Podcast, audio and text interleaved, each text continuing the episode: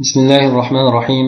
الحمد لله رب العالمين. الصلاة والسلام على أشرف الأنبياء والمرسلين نبينا محمد وعلى آله وصحبه أجمعين. أما بعد أبو داود صلى الله عليه كان درس مس تهارة كتاب دان وتزدن شباب كي كلب تختي ديك بو بابتا وكشيت الدركي باب الوبو بسؤر الكلب يعني يتنى سلقة بلان تهارة قلشليك بابا شو توصي كي كان masalalar ekan abu dovud rahimaulloh yetmish birinchi hadislarda aytadilarki قال حدثنا أحمد بن يونس قال حدثنا زاهدة في حديث هشام عن محمد عن أبي هريرة عن النبي صلى الله عليه وسلم قال طهور إناء أحدكم إذا ولغ فيه الكلب أن يغسل سبع مرات أولاهن بالتراب buni muslim ham rivoyat qilgan ekan bu hadislarida payg'ambar sallallohu alayhi vasallam aytyaptilarki agar sizlarni birlaringizni idishiga it kirib yalab qo'yadigan bo'lsa uni poklashlik yetti marta yuvishlik bilan bo'ladi. Birinchisini tuproq bilan boshlashlik deb aytgan ekanlar. Demak bu hadisimizda it kirib o'sha birovni idishini yalab qo'yadigan bo'lsa ya'ni uni so'lagi tegadigan bo'lsa bir idishga valag'a degani suv ichishlik uchun narsa yeyishlik uchun tilini kirgizib o'sha qimirlatsa o'sha so'lagi tegishligi mana shu narsa iroda qilingan. Agar shunday holat sodir bo'ladigan bo'lsa o'sha yerda idishni tozalashlikni o'zi yetti marta yuvishlik bilan bo'lar ekan bularni birinchisi esa tuproq bilan boshlanar ekan. Birinchi demak bu e, najosat mug'allaza deb aytiladi ya'ni qo'pol juda ham qo'pol bo'lgan najosat hisoblanadi itni so'lagi. Albatta bu insonga bo'ladigan zararlari ko'p zararlari sababli hattoki boshqa hayvonlarni e, najosatidan ham ko'ra itni qattiqroq bo'lishligi bu insonga o'shanda bo'ladigan mikrob shunga o'xshagan narsalarni inson sog'ligiga juda qattiq zarar qilishligi oqibatida bo'lsa kerak allohu alam. Olimlar shunday deb aytishgan. Bunday bo'ladigan bo'lsa boshqa najosat bo'lgan narsalardan farqli o'laroq bunga alohida e, bir son adad bilan E, tozalanishligi kerak bo'lar ekan. Bu esa mana ko'plab hadislarda aytib o'tilgani yetti marta yuvilishligi bu birinchisida tuproq bilan tozalanadi. Tuproq bilan o'zini tozalab turib yo'q tuproq yoki loy bilan tozalanib turib ana undan keyin yetti marta ustiga suv quyib turib yuviladi. Tuproqni aytilishligini sababini olimlar aytishadiki bu o'sha itni so'lagida bo'ladigan mikroblarni o'sha tuproq o'ldirishligi. E, shuning uchun e, tuproqni aytilgan deb aytiladi. Endi agar tuproqni o'rniga boshqa kimyoviy bo'lgan tozalovchi bo'lgan moddalar bo'ladigan bo'lsa bu ham bo'laveradi. Lekin albatta tuproqni o'zini o'rni alohida farq qiladi. Yana yetmish ikkinchi hadisda aytadilarki buni alboniy rahmaulloh sahih mavquf deb aytgan ekanlar. Marfuan ya'ni mavquf jihatdan sahih bo'lgan. Ya'ni bu payg'ambar sallallohu alayhi vasallamga yetib bormasdan lekin bormagan bo'lsa ham sahih bo'lgan yo'lda uzilishlik bo'lganligi uchun. shu bilan birgalikda payg'ambar alayhissalomga marfu jihatdan yetib borgan jihatidan ham sahih yo'llari bor ekan buni abu dovud rahmaulloh aytadilarki حدثنا مسدد قال حدثنا المعتمر يعني ابن سليمان ح يعني تحويل كلية حديثنا حدثنا محمد بن عبيد قال حدثنا حماد بن زيد جميعا حمل أيوب السختياني دار وعيد خلشكان كان عن محمد عن أبي هريرة بمعناه ولم يرفعه وزاد وإذا ولغ الهر g'usila marota. Ayni shu yuqoridagi hadisni marfu suratida rivoyat qilingan ekan bu yerda. Hamda ziyoda qilib qo'yilgan ekanki agar mushuk e, o'shanday bir idishga kirib yalab suv ichib qo'yadigan bo'lsa bunda bir marta yuviladi deb aytilgan ekan. Mushukni qoldirgan e, qoldiq so'laklari esa quyidagi hadislarda keladi. Undan keyin yana yetmish uchinchi hadisda aytib o'tadiki buni alboniy rahmaulloh sahiy deb aytgan ekan lekin yettinchi degan so'zini o'zi shoz shoz deganda aytib o'tgan edik. Ya'ni siqa bo'lgan ishonchli bo'lgan rivoyatchini o'zidan ko'ra e, sanog'i ko'proq bo'lgan ishonchliroq bo'lgan odamga e, zid suratda rivoyat qilishligi ya'ni sab ya'ni ba'zi odamlar rivoyat qilgan ko'pchilik ishonchli bo'lgan odamlar yettinchi deganda rivoyat qilmagan ekan. Hop bu yerda rojihrohi deydi.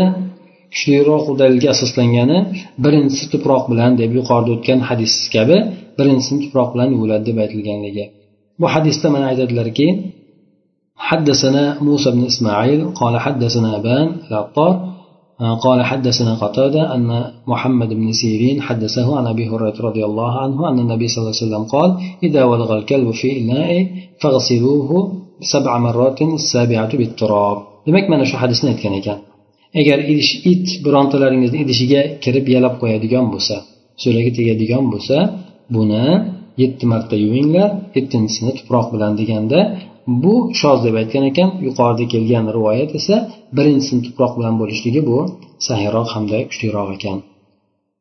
Yana abu dovud pastda aytadilarki ammo abu solih abu razin araj sobit al ahnaf va hamma ibn munabbih va abu suddi abdurahmon bularni hammasi abu hurayradan rivoyat qilishgan lekin tuproqni zikr qilishmagan ya'ni yetti marta yuvishlikni aytishgan hop demak bu hadislarni jamlanadigan bo'lsa yuqorida aytib o'tilganligi shu birinchisini tuproq bilan tozalab turib keyin uni ortidan yetti marta suv bilan yuvorilar ekan. Yetmish to'rtinchi hadisda keladiki buni aytadi haddasini ahmad ibn muhammad ibn hambal imom ahmad rivoyat imom ahmaddan rivoyat qilgan ekan. U kishi esa yahya ibn saiddan bu kishi shobadan rivoyat qilgan. Aytadilarki haddasana abu tayyah an mutarrif an ibn mug'affal أن رسول الله صلى الله عليه وسلم أمر بقتل الكلاب ثم قال ما لها ولها ما لهم ولها فرخص في كلب الصيد وفي كلب الغنم وقال إذا ولغ الكلب في الإناء فاغسلوه سبع مرار والثامنة الثامنة عفروه بالتراب mana bu hadisda ham shu yuqoridagi aytgan hadisimizni mazmuni kelyapti. Rasululloh sollallohu alayhi vasallam itlarni o'ldirishlikka avval buyurgandilar. So'ng aytdilarki u itlarni nima keragi bor o'ldirishlikni deb keyin aytgan ekanlar. Ana o'shandan demak itlarni birinchi o'ldirishlikka buyurib turib u narsadan keyin lekin o'sha itlarni o'ldirishlikdan qaytargan ekanlar? Hamda payg'ambar alayhissalom boqishlikka ruxsat berganligi ovchi itini boqishlikka ruxsat berganlar. Qo'y podaga qaraydigan qarab yuradigan itni boqishlikka ruxsat bergan ekanlar. Yana e, boshqa bir rivoyatlarda ham keladi. Bu qo'riqchilik suratda e, e, nima tutiladigan boqiladigan itga ham ruxsat berganlar. Ya'ni dalada shunga o'xshagan qo'riqchilik ishlarini bajaradigan. Yana aytgan ekanlarki yuqoridagi hadisni mazmuni agar et birontalaringizni idishiga kirib ya'ni shu narsalarni tutgandan keyin ovchi bo'lsin yoki qo'ychivon bo'lsin yoki bo'lmasa o'sha ziroatgohda ishlaydigan dehqon bo'lsin it boqishadigan bo'lsa hamda it ularni aralashib yurib idishiga tegib qoladigan bo'lsa bunda tegib qolishligi mumkin. Ana shundan ogohlantirgan holatda payg'ambar alayhisalom aytgan ekanlar it birontalaringizni idishiga kirib qoladigan bo'lsa uni yetti marta yuvinglar. Sakkizinchisida esa ha uni tuproq bilan tozalanglar deb aytgan ekan. Demak bu ham yuqoridagi bo'lgan hadis. Yettita sakkizta bo'lishligi tartib bo'yicha emas. Yuqorida hadisda buni tartibini keltirib o'tildi. Birinchi marta tuproq bilan yuvib orqasidan yetti marta suv bilan yuviladi. Demak birinchisi agar qo'shib hisoblaydigan bo'lsak sakkizta bo'ladi. Agar yuvishlikni o'zini hisoblasak unda yettita bo'ladi. Tuproqni o'zi bilan tozalashlik demak o'sha sakkizinchisi bo'lib qoladi.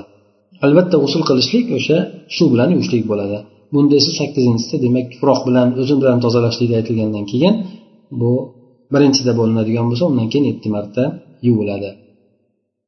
Undan keyin yetmish beshinchi e, o'ttiz yettinchi o'ttiz sakkizinchi bobda aytadilarki babu suril hirra hop ya'ni mushukni so'lagi yoki qoldig'i shu ichgan narsasidan qoldig'i degan bob ekan. yetmish beshinchi hadis bunda keltiradilar albon rahmaulloh hasan sahih deb aytyapti. Ya'ni bir rivoyati hasan kelgan ekan yana bir rivoyati allohu alam sahih kelgan ekan. Ya'ni ikki rivoyat bor. حدثنا قال حدثنا عبد الله بن مسلمة القعنبي عن مالك عن إسحاق بن عبد الله عن ابن أبي طلحة عن حميدة بنت عبيد ابن رفاعة عن كبشة بنت كعب بن مالك وكانت تحت ابن أبي قتادة أن أبا قتادة دخل فسكبت له وضوءا وضوءا فجاءت هرة فشربت منه فأصغى لها الإناء حتى شربت قالت كبشة فرآني أنظر إليه فقال أتعجبين يا, ابن يا بنت أخي فقلت نعم قال فقال إن رسول الله صلى الله عليه وسلم قال إنها ليست بنجس إنها من الطوافين عليكم والطوافات undan keyingi hadisda ham ayni shu narsani aytib o'tilgan bunda aytadilarki abu dovud rahmaulloh haddasana abdulloh ibn maslama qola haddasana abdulaziz an davud ibn solih ibn dinar tammar عن أمه أن مولاتها أرسلتها بهريسة إلى عائشة رضي الله عنها فوجدتها تصلي فأشارت إلي أن ضعيها فجاءت هرة فأكلت منها فلما انصرفت أكلت من حيث أكلت الهرة فقالت إن رسول الله صلى الله عليه وسلم قال إنها ليست بنجس إنما هي من الطوافين عليكم. وقد رأيت رسول الله صلى الله عليه وسلم يتوضأ بفضلها. Yuqoridagi hadisda aytadilarki buni kabsha binti kabni molik kabni molik o'sha mashhur sahobiyni qizlari kabshadan rivoyat qilinyapti. Bu ayol e, ibn abi qatodada ya'ni ibn abi qatodani o'g'illarini qo'l ostida ekan nikohida ekan ya'ni o'zini qaynotasidan e, aytib rivoyat qilyaptiki endi abu qatoda bir kuni uyga keldilar deydi hamda u ayol kirgan paytida e, torat qiladigan suvni tayyorlab qo'yib bergan endi qo'yib bergan. Shunda mushuk keldida o'sha qo'ygan suvdan ichdi. Abu qatoda esa idishni og'zini u kishiga pasaytirib berdi. Hattoki e, nima mushukka pasaytirib berdi mushuk o'shandan qiynalmasdan ichib oldi endi. Kapsh aytadiki meni u kishi qarab turganligimni ko'rib qoldi. Abu qatoda demak o'sha holatni ko'rib qoldi. Keyin aytdilarki ey jiyanim ey jiyan deb aytiladi. Ko'proq arablarda ey jiyan e, shu narsadan ajablanyapsizmi? Men qilgan ishimdan ya'ni mushuk kelib bu suvdan ichdi men tahorat qilishligimdan keyin shundan ajablanyapsizmi? deganda men ha deb aytdim deydi. Ya'ni qanday qilib mushuk ichsa undan keyin tahorat qilinsa degan narsani. U kishi aytdilarki rasululloh sollallohu alayhi vasallam aytganlar bu mushuklar hech qanaqangi najas emas.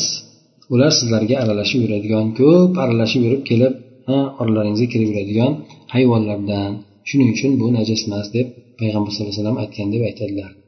Demak bu hadisda mushuklarni to'g'risida aytilyapti. Bular demak narsaga tegib qo'yilishligi narsalardan ichib qo'yishligi bu narsani harom qilmas ekan.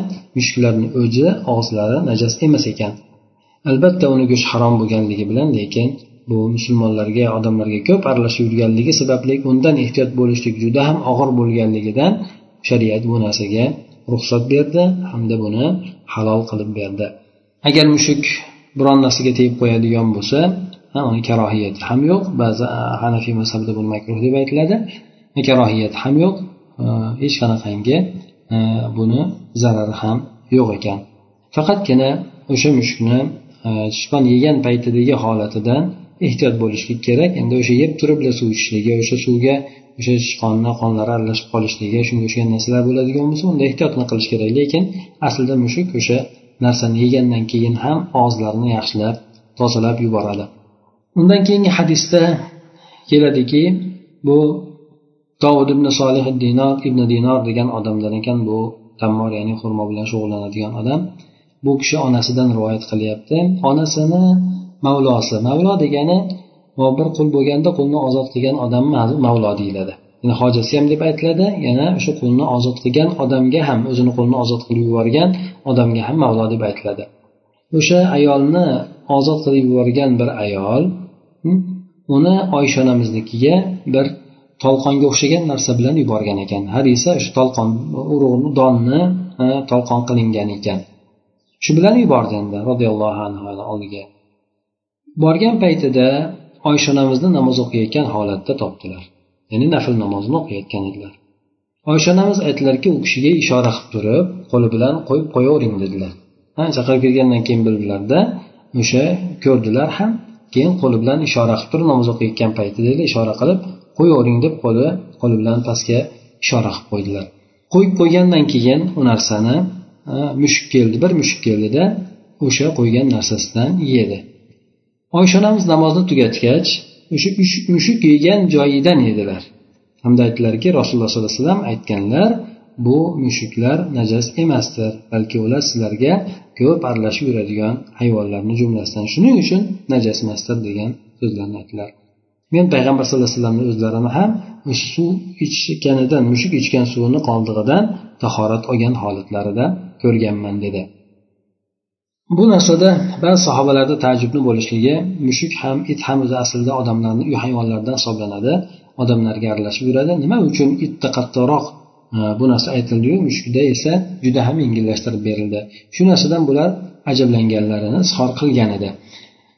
Bu yerda demak itni alohida o'z so'lagida o'sha kasallik tarqatuvchi mikroblarni ko'p bo'lganligi mana shu narsa demak o'sha inson E, iste'mol qiladigan bironta bir idishga tushib qoladigan bo'lsa u narsalarni qattiq suratda yetti marta tuproq bilan yana bir marta shunday qilib yuvishligi kerak bo'lar ekan. Endi itni so'lagi insonni jasadiga tegadigan bo'lsa yoki bo'lmasa aytaylik e, o'sha nimalarga tegadigan bo'lsa kiyimlarga tegadigan bo'lsa ya'ni iste'mol qilmaydigan albatta buni o'sha boshqa qo'pol najosatlarni yuvishlik barobarida yuvsa allohu alam kifoya qiladi. Ya'ni o'sha najosatni o'zi ketgunigacha yuvishligi. Lekin idishlarga tegadigan bo'lsa idishlarda albatta sanog'i bilan yuvishlik kerak bo'ladiki bu yetti bir martayu keyin yetti marta suv bilan yuvilishligi bo'ladi. Mushuklarda esa e, mushuklarda bu narsa demak hol ekan aytib o'tganimizdek demak najas bo'lmaganligi mushuklarning alohida demak shariat ruxsat bergan bu odamlarga ko'p aralashib yurganligi bundan ko'pchilik boqqanligi bundan ehtiyot bo'lishlik choralarini ham imkoni juda ozligi uchun shariat ruxsat bergan ekan.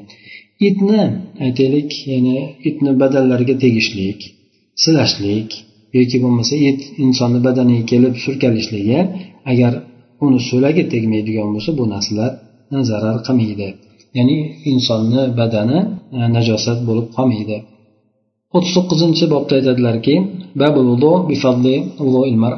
ya'ni ayol kishini tahorat olgandan keyin o'sha suvidan qoldig'i bilan tahorat olishlik to'g'risidagi bob ekan buni abu dovud rahmaulloh aytadilarki قال حدثنا مسدد قال حدثنا يحيى عن سفيان قال حدثني منصور عن إبراهيم عن الأسود عن عائشة رضي الله عنها قالت كنت أغتسل أنا ورسول الله صلى الله عليه وسلم من إناء واحد ونحن جنوبان bu hadisda oysha onamiz aytyaptilar men payg'ambar sallallohu alayhi vasallam bilan birgalikda bir idishdan yuvinar edik ikkalamiz ham junub edik deydi. Ikkalamiz junub deganligi demak payg'ambar alayhissalom faqatgina uyqularida junub ehtilom bo'lmaganlar oylar bilan qo'shilishlikdan bo'lganlar. Ana o'shandek ya'ni ikkalamiz ham shu junub bo'lgan edik ham bir idishdan suv olib yuvinardik deydi. Ya'ni bir katta idishga suv quyilgan bo'lsa ikkalasi demak e, ba'zi qo'llarimiz aralashib ketardi deb boshqa rivoyatlarda ham keladi. O'sha menga qoldir qoldir degandek e, o'sha idishdan suv olib yuvinishligi. Demak er xotin bir idishdan bir paytni o'zida suv olib bir birini ro'parasida yuvinishligi bu narsa joiz. Bu narsa e, mana oysha onamiz mana shu narsani aytyapti. Lekin payg'ambar alayhissalom meni avratimga qaramasdi men u kishini avratiga qaramasdim deb boshqa bir rivoyatda ham keladi endi. Ya'ni bu inson ehtiyojida ya'ni bir idishdan bir paytda yuvilishligini buni ham joiz ekanligini ifoda qiladi bu undan keyingi hadisda keladiki قال حدثنا عبد الله بن محمد النفيلي قال حدثنا وكيع عن أسامة بن زيد عن ابن خربوت خربوت دبت عن أم صبية الجهنية قالت اختلفت يدي ويد رسول الله صلى الله عليه وسلم في الوضوء من إناء واحد والله أعلم بو yana bir rivoyatda o'sha meni qo'lim payg'ambar alayhisalomni qo'llari tahorat qilishlikda bir idishdan e, bir idishda aralashib ketib qolar edi ya'ni bir idishda bu ayolni kimligini bilmadim e, lekin bu yerda aytyaptiki demak meni qo'lim bilan payg'ambar alayhisalomni qo'llari tahorat olishlikda adashib ketardi. Yuqoridagisi g'usulda edi er xotin bo'lganligi uchun pastdagisida hop bir idishdan e, tahorat ya'ni avvallari tahoratni ichiga suv quyilganda o'sha tahoradan shunga o'xshagan narsalardan olib qolganlar tahorat qilishgan endi. Ana o'shanda birinchi qo'llarini najosat bo'ladigan bo'lsa suvni quyqib turib yuvishib olganda keyin undan keyin qo'llarini solishavergan. Ana o'shandan demak ayol kishi tahorat oladigan bo'lsa o'sha tahorat suvidan pastga tushishligi bu o'sha tahorat olish olinayotgan suvni hech qanday ta'sir qilmas ekan bu narsa u narsadan tahorat olib yursa bo'laverar ekan undan keyingi hadisda aytadilarki قال حدثنا عبد الله بن مسلمة عن مالك عن نافع تحويل كلية حديثنا حدثنا مسدد قال حدثنا حماد عن أيوب عن نافع عن ابن عمر قال كان الرجال والنساء يتوضعون في زمان رسول الله صلى الله عليه وسلم قال مسدد aytdilarki minal ina'il vahidi jamian Ya'ni musaddadni rivoyatida bitta hammasi bitta idishdan tahorat qilardilar deb keladi endi. Buxoriy rivoyat qilgan ekan buni lekin bir idishdan degan rivoyatsiz so'zsiz rivoyat qilgan ekan. Bu yerda demak payg'ambar alayhisalom davrlarida ham o'sha katta idish bo'ladigan bo'lsa o'sha idishdan masalan aytaylik bu quduq bo'lsin yoki bo'lmasa katta bir hovuz bo'lsin yoki bo'lmasa aytaylik kichkina bir idish bo'lsin erkaklar ayollar masalan nomahram nomahram emas bu yerda. Asosan demak er xotinlar bo'lsin yaqinlari bo'lsin yoki erkaklar bo'lsin undan keyin ayollar torat qilgan bo'lsin xullas kalom o'sha bir idishdan olinar ekan. Erkaklar ham ayollar ham. O'sha idishni o'zida suv olib tahorat qilishaverardi ekan. Buni hech qanaqangi ishlatilgan suv e'tibori bilan yoki ayoldan qolgan qoldiq e'tibori bilan buni alohida ajratib qo'yilmas ekan. Yana boshqa bir hadisda aytadilarki ho'p abdulloh umar roziyallohu anhudan rivoyat qilingan hadisda biz كنا نتوضأ نحن والنساء على عهد رسول الله صلى الله عليه وسلم من إناء واحد ندلي فيه أيدينا biz payg'ambar alayhissalomni davrlarida hop biz ham ayollar ham bir idishdan tahorat olar edik unda qo'llarimiz aralashib ketar edi deydi qo'llarimizni aralashib ketardi emas qo'llarimizni o'shani ichiga solar edik qo'limizni solib tahorat qilardik deydi bu yuqorida aytib o'tganimizdek ya'ni erkaklar ayollar mahram nomahram degan narsa bilan emas Bu yerda albatta hop ayol kishini qoldiqsuv bo'ladigan bo'lsa unda mahram nomahramligini farqi yo'q.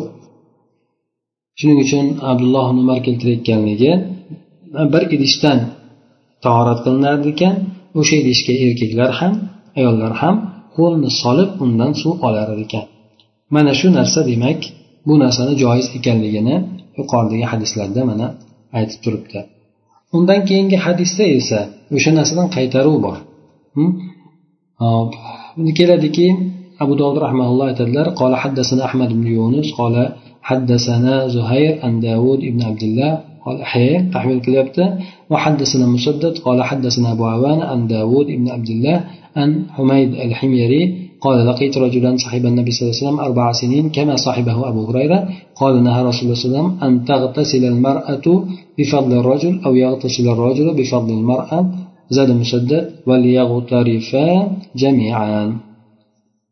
undan keyingi hadisda qola haddasana abu ibn bashar qola haddasana abu davud ya'ni tayalisi قال حدثنا شعبة عن عاصم عن أبي هاجب عن الحكم بن عامر قال لنا أبو داود وهو الأقرأ يعني صفة أيتيت أن النبي صلى الله عليه وسلم نهى أن يتوضأ الرجل بفضل طهور طهور المرأة bu ikkita hadisda o'sha yuqorida bo'lgan narsadan qaytardi ya'ni birinchisida aytadilarki hamadul himariydan men payg'ambar sallallohu alayhi vasallamga sahoba bo'lgan odam bilan to'rt yil sahoba bo'lib yurgan odam bilan yo'liqib qoldim deydi. Xuddi abu hurra roziyallohu anhu sahoba bo'lgandek abu hurara ham to'rt yil payg'ambar alayhisalomga sahoba bo'lganlar ya'ni birga bo'lganlar. Xuddi shu kishiga o'xshab boshqa bir to'rt yil birga bo'lgan sahobiy bilan yo'liqib qoldim. Buni nomini zikr qilmasligini zarari yo'q chunki sahobalarni hammasi adolatli deb aytilgan. Ana shundan u kishi aytadilarki rasululloh sollallohu alayhi vasallam erkak ayol kishi erkakni qoldirgan suv bilan yuvinishligi yoki bo'lmasa erkak kishi ayol kishini qoldirgan suv bilan g'usul qilishligidan qaytarganlar. Yana musaddad ziyoda qildiki ikkalasi birdaniga olsin degan nimani aytgan ekan. Ya'ni birdaniga olib yuvinsin. Bir biriga ya'ni bir biridan qoldirgan suv bilan emas ya'ni bir paytni o'zida olib yuvinaversin degan nimani musaddad ziyoda qilgan ekan. Pastdagisida esa tahorat haqida shunday deb aytgan payg'ambar sallallohu alayhi vasallam erkak kishi ayol kishini tahorat suvidan qolgani bilan tahorat olishligidan qaytarganlar deydi.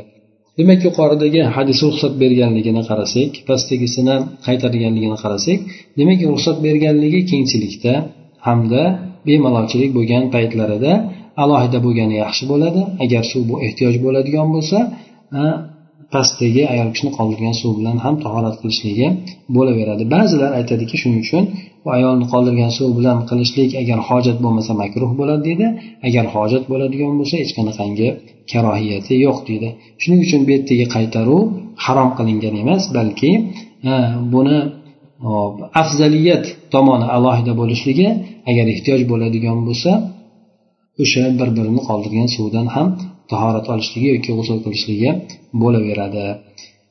Buni yuqoridagisida aytganda ayol kishi demak erkak kishini qoldirgan suvdan yuvinmasin yoki erkak kishini ayol kishini qoldirgan suvdan yuvinmasin ikkalasi birdaniga olib yuvinsa bo'laveradi. Mana payg'ambar alayhisalom o'zlari yuqorida birga yuvinganligini ham aytib o'tilgan edi. Ana o'shandan demak tushunamiz ekanki aslida hop erkak kishi alohida bizni davrlarimizda ungacha ehtiyoj yo'q lekin bu narsa ancha bir davrlargacha ehtiyoj bo'lgan bu narsalarda chunki bular idishga olib qo'yadigan bo'lsa o'sha idishni o'zidanlar shu olib turib tahorat qilishgan hop endi hozirgi paytlarda alohida alohida qilinadi bu narsalar yoki obdasta sifatida. Agar obdastada tahorat qilib yuvgan bo'lsa undan qoladigan suv bo'ladigan bo'lsa uni hech qanaqangi zarari yo'q chunki bu yerda obdastadan suvga quyib e, qo'lga quyib turib keyin tahorat olinadi. Buni hech qanaqangi ichiga qo'l tiqib turib qilinmaydi. shuning uchun hozirgi paytda bunda holatlar juda e, nodir holat bo'lishi mumkin lekin o'shanday bo'lgan taqdirda ham aytib o'tiladiki erkak kishi alohida tahorat qilishligi ayol kishi alohida suv bilan tahorat qilishligi bu mahram bo'lsin yoki nomahram begona bo'lsin unda agar yo ehtiyoj bo'ladigan bo'lsa albatta bu o'rinda bu narsani iste'mol qilishlik ikkala tomondan ham bo'laveradi سبحانك اللهم وبحمدك نشهد أن لا إله إلا أنت نستغفرك ونتوب إليك اللهم انفعنا بما علمتنا وعلمنا ما ينفعنا وزدنا علما